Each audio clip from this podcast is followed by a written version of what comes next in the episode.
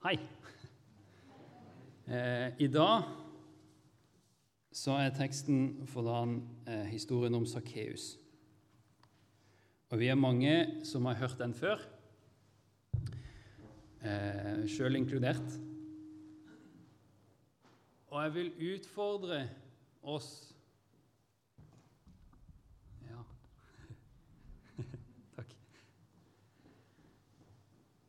Og jeg har en liten utfordring til oss. Ja, vi har hørt historien før, men Guds ord er levende. Så om vi ikke vi sammen kan be om at vi får se noe nytt i dag. Men først, la oss lese fra eh, Lukas kapittel 19, vers 1-10. Han kom til Jeriko og dro gjennom byen. Og Der var det en mann som het Sakkeus. Han var overtoller og svært rik. Han ville gjerne se hvem Jesus var, men han kunne ikke komme til for folkemengden, for han var liten av vekst. Da løp han i forveien og klatra opp i et morbærtre for å få se han et sted der hvor han måtte gå forbi. Og da Jesus kom dit, så så han opp og sa til han, 'Sakkeus, kom ned, for i dag må jeg ta inn hos deg.' Han skyndte seg ned, og ned, og han tok imot han med glede. Men alle som så det, de murra. Og de sa, 'Han har tatt inn hos en syndig mann.' Men Sakkeus han sto fram, og han sa til Herren, 'Herre, halvparten av alt jeg eier, det gir jeg til de fattige.' Og har jeg pressa penger av noen, så skal de få firedobbelt igjen. Og da sa Jesus til ham, I dag er frelse kommet til dette hus. For også han er en Abrahams sønn. For menneskesønnen er kommet for å lete etter de bortkomne og berge dem. I Jesu navn.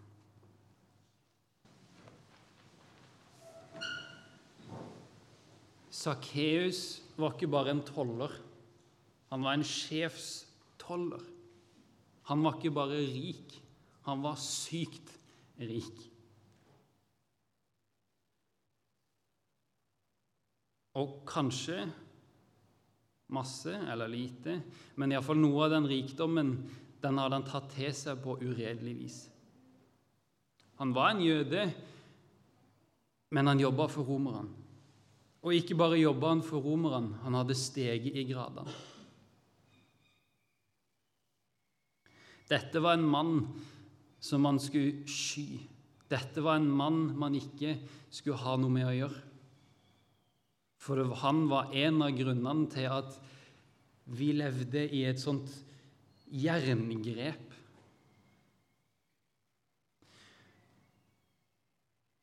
Sakkeus har kanskje mista både familie og venner pga. den stillinga han hadde. Så pengene og makten den ble hans nye venn. Han kara til seg det han kunne for bare et øyeblikks glede.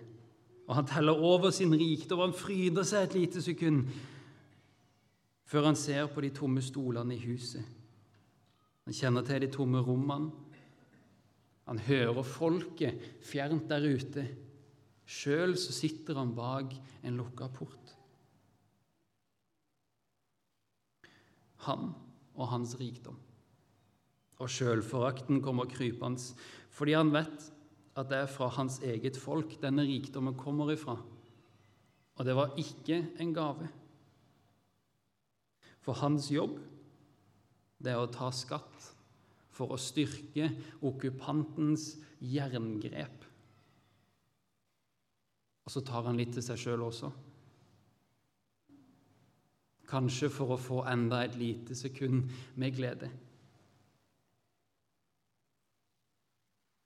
Men så har han hørt om en mann som driver og tusler rundt i Israel.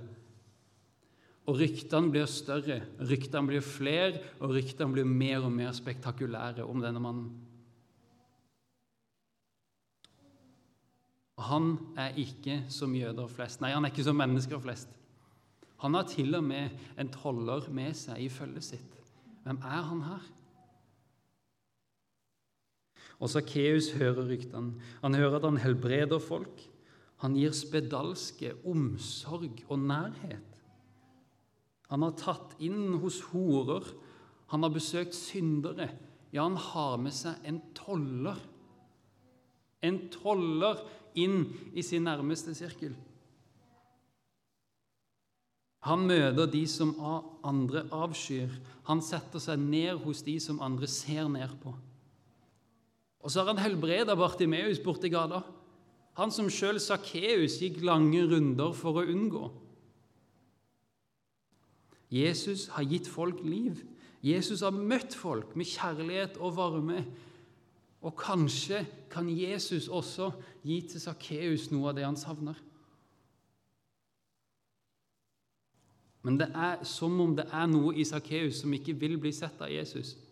For Først så prøver han å gjemme seg blant en i mengden, men han kommer ikke fram. Folkemengden står i veien, og han får ikke sett Jesus. Så overtolleren, kledd i sine beste klær som folk bare kan drømme om, løper i forveien og klatrer opp i et svært tre og prøver å finne den perfekte balansen mellom kamuflasje, så Jesus ikke skal se han, men allikevel sånn at han har god utsikt til der Jesus kommer til å gå forbi.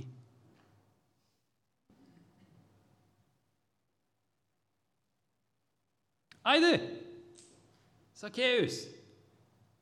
Kom ned, for i dag er det høyst nødvendig at jeg kommer hjem til deg. Det var Jesus. Han hadde sett Sakkeus. Og før Sakkeus rekker å sømme seg, så er det som om skriftrullene åpner seg og kommer for øynene sine. Og så ser han først et vers ifra, et vers ifra Jesaja. Og nå, så sier Herren, som skapte deg, Jakob, som forma deg, Israel. Vær ikke redd, jeg har løst deg ut, jeg har kalt deg ved navn, du er min. Og så er det historien om Abrahams slavekvinne Hagar, hun som rømte ifra Abrahams kone.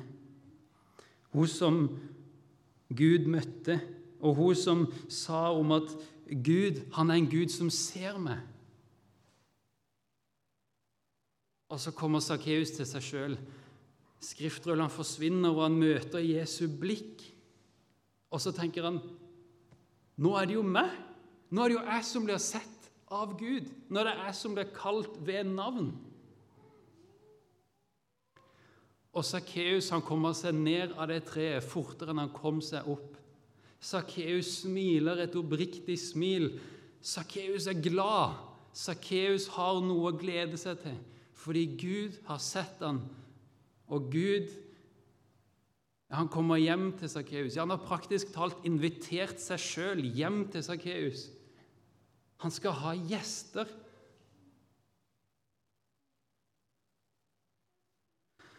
Men ingen av de som så på dette, ikke engang Jesu disipler, syntes dette var greit.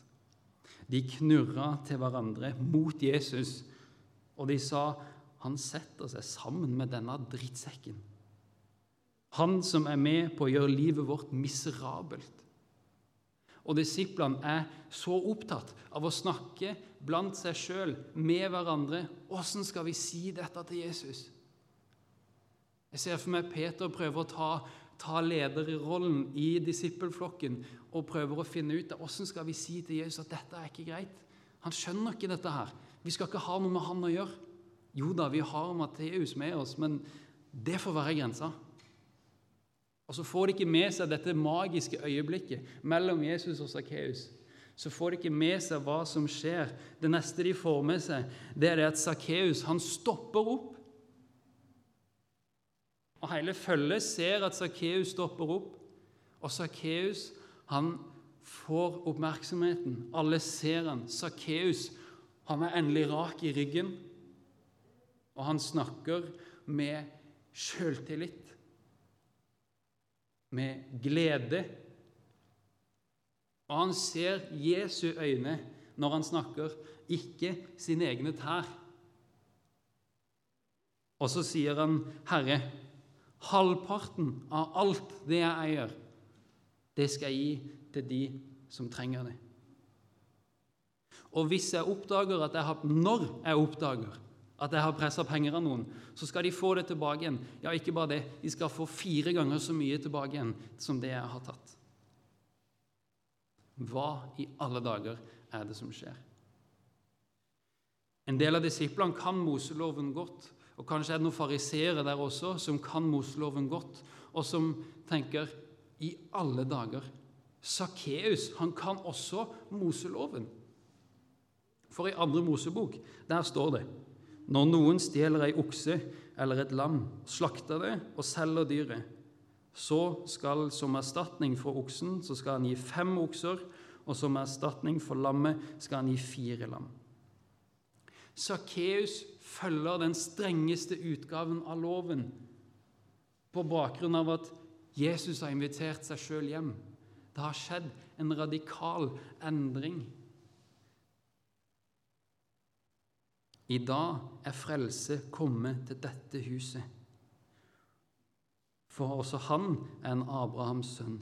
For menneskesønnen er kommet for å lete etter de bortkomne og berge dem. Frelsen er kommet til Sakkeus sitt hus. Sakkeus er frelst. Men er dette fordi at Sakkeus nå bestemmer seg for å følge loven? Efeseren 2,8.: For av nåde er dere frelst, ved tro. Det er ikke deres eget verk, men Guds gave. Romeren 1, 16 og 17. For jeg skammer meg ikke over evangeliet. Det er en Guds kraft til frelse for den som tror. Jøde først, så greker. For i det åpenbarte Guds rettferdighet av tro til tro, slik det står skrevet. Den rettferdige skal leve ved tro. Galateren 2,16. Men vi vet at ikke noe menneske blir rettferdig for Gud ved gjerninger som loven krever, bare ved troen på Jesus Kristus. Derfor satte også vi vår lit til Kristus Jesus, så vi skulle bli rettferdige ved troen på Kristus og ikke ved lovgjerninger. For ikke noe menneske blir rettferdig ved lovgjerninger. I Paulus sine brev så er det liten, om ikke ingen rom. Det er ingen rom for at vi skal kunne jobbe oss fram til frelsen sjøl. Så nei, jeg tror ikke Sakkeus blir frelst fordi han nå skal fordele sin rikdom. Men jeg tror det har skjedd noe i Sakkeus når han møtte Jesus, når han tok med seg Jesus hjem, ikke bare i huset, men inn i livet sitt, og innser at jeg kan gjøre noe med den rikdommen jeg har. Fordi det er ikke helt uvesentlig hvordan vi lever. Og Noe annet som er spennende, er at Lukas i denne historien han knytta den opp med noe vi leser rett før, hvor det kommer en ung, rik mann som kommer til Jesus og sier, 'Hva skal jeg gjøre for å få evig liv?' Og så ender denne samtalen med at Jesus sier til denne mannen at 'selg alt du eier', og så kom og følg med. Fordi denne mannen han var også svært rik. Men han klarte ikke å selge unna rikdommen sin. Han var for tett knytta. Og så bruker Lukas samme ord om Sakkeus. Han var svært rik. Og selv om Sakkeus har gitt bort halvparten av svært mye, så kan det fortsatt hende han har mye igjen. Men nei, det er ikke uvesentlig hvordan vi lever. Romerne 6, 1-2 og 12-13. Hva skal vi da si? Skal vi fortsette å synde så nåden blir enda større? Slett ikke. Hvordan kan vi som døde bort fra synden, fremdeles leve i den? La altså ikke synden herske i den dødelige kroppen deres, så dere følger kroppens lyster. Og still ikke lemmene deres til tjeneste for synden, som våpen for urett, men still dere sjøl og lemmene deres til tjeneste for Gud som våpen for det som er rett, for dere var døde, men er blitt levende. Jakob 12, 15-18. Sett at en bror eller søster ikke har klær og mangler mat for dagen, og en av dere sier til dem, gå i fred, hold varme og spis dere mette. Hva hjelper det dersom dere ikke gir dem det kroppen trenger? Slik er det også med troen. I seg sjøl, uten gjerninger, er den død.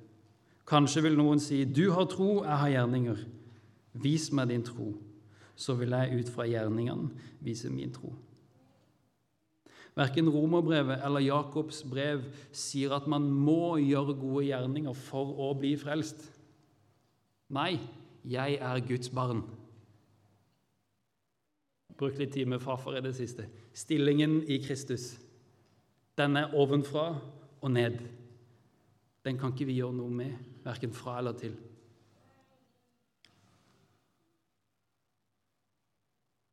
Og så skal ikke vi kjenne på den trangen og den plikten til å gjøre godt. Vi skal ikke kjenne på den tvangen om å dele halvparten av alt vi eier.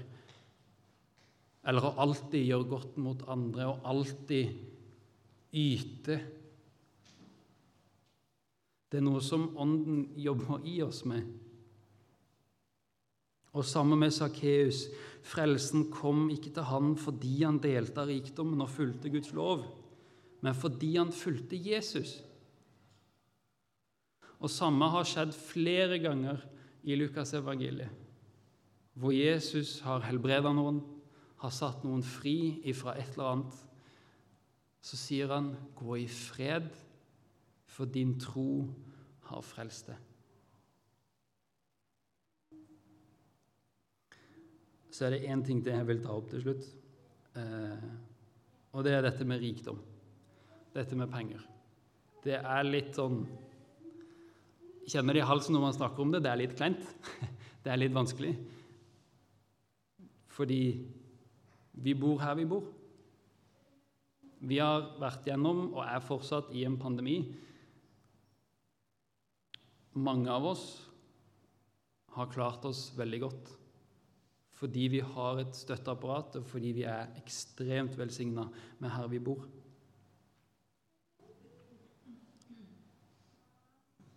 Og så har vi denne teksten som jeg nevnte tidligere, med den rike unge mannen som kom til Jesus. Og så sier Jesus i slutten av den at hvor vanskelig er det for de som eier mye, å komme inn i Guds rike? Det er lettere for en kamel å gå gjennom et nåløye enn det er for en rik å komme inn i Guds rike. Men som jeg sa, Sakkeus viser at en litt annen nyanse av dette. Vi skal ikke sette vår lit til de tallene som står i nettbanken. Vi skal ikke være stolt av at vi har rikdom og vi har kraft til å gjøre ting. Men vi har et forvalteransvar. Vi skal ikke skamme oss over å ha penger på konto og ha mat i frysen. Vi skal ikke skamme oss over at vi bor her vi bor. Det er en gave fra Gud. Men som vi las i 1. Timoteus 6, 17-19.: Forman dem som er rike i verden, at de ikke må være overmodige og ikke sette sitt håp til den usikre rikdommen, men til Gud, Han som gir oss rikelig av alt for at vi skal nyte det. De skal gjøre godt, være rike på gode gjerninger, være gavmilde og dele med andre. Slik samler de seg en skatt som blir god grunnvoll for framtida, så de kan vinne det virkelige liv.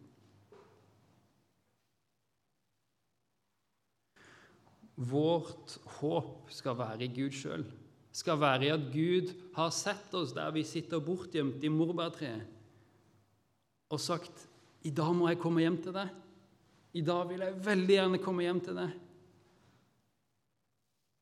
Og så har vi sagt rått. Eller ja, ok, da.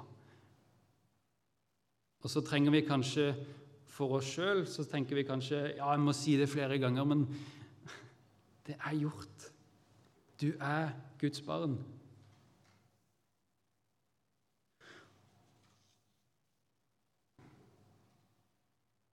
Og så har vi fått så uendelig mye. Og så har vi, som jeg sa, et forvalteransvar. Noen her inne har en familie man skal passe på. Noen her inne har et ønske om en familie, har en planer om en familie som kommer snart. Og da er det riktig at vi tar vare på de også.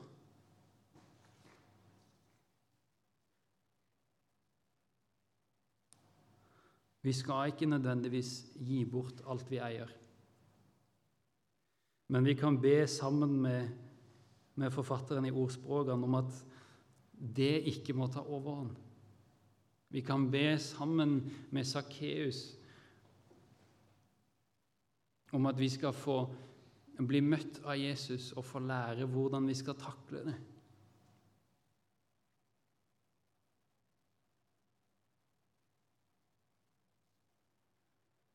For hvem er det som forsørger deg og dine? Hvem er det som sørger for mat på bordet? Er det du som jobber, eller sørger for at pengene kommer inn? Eller er det Gud som har satt deg der du er? Ja, kanskje er det begge. Men hvor er håpet ditt? Hva er det du ikke kan klare deg foruten?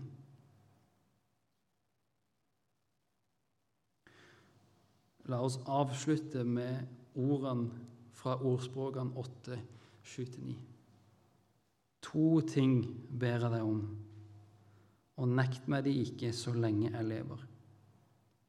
Hold falskhet og løgn langt borte fra meg, og gjør meg verken fattig eller rik, men la meg få den maten jeg trenger. Ellers så kan jeg bli så mett at jeg fornekter det, og så sier jeg 'Hvem er Gud?' Eller så kan jeg bli så fattig at jeg stjeler og krenker min Guds navn.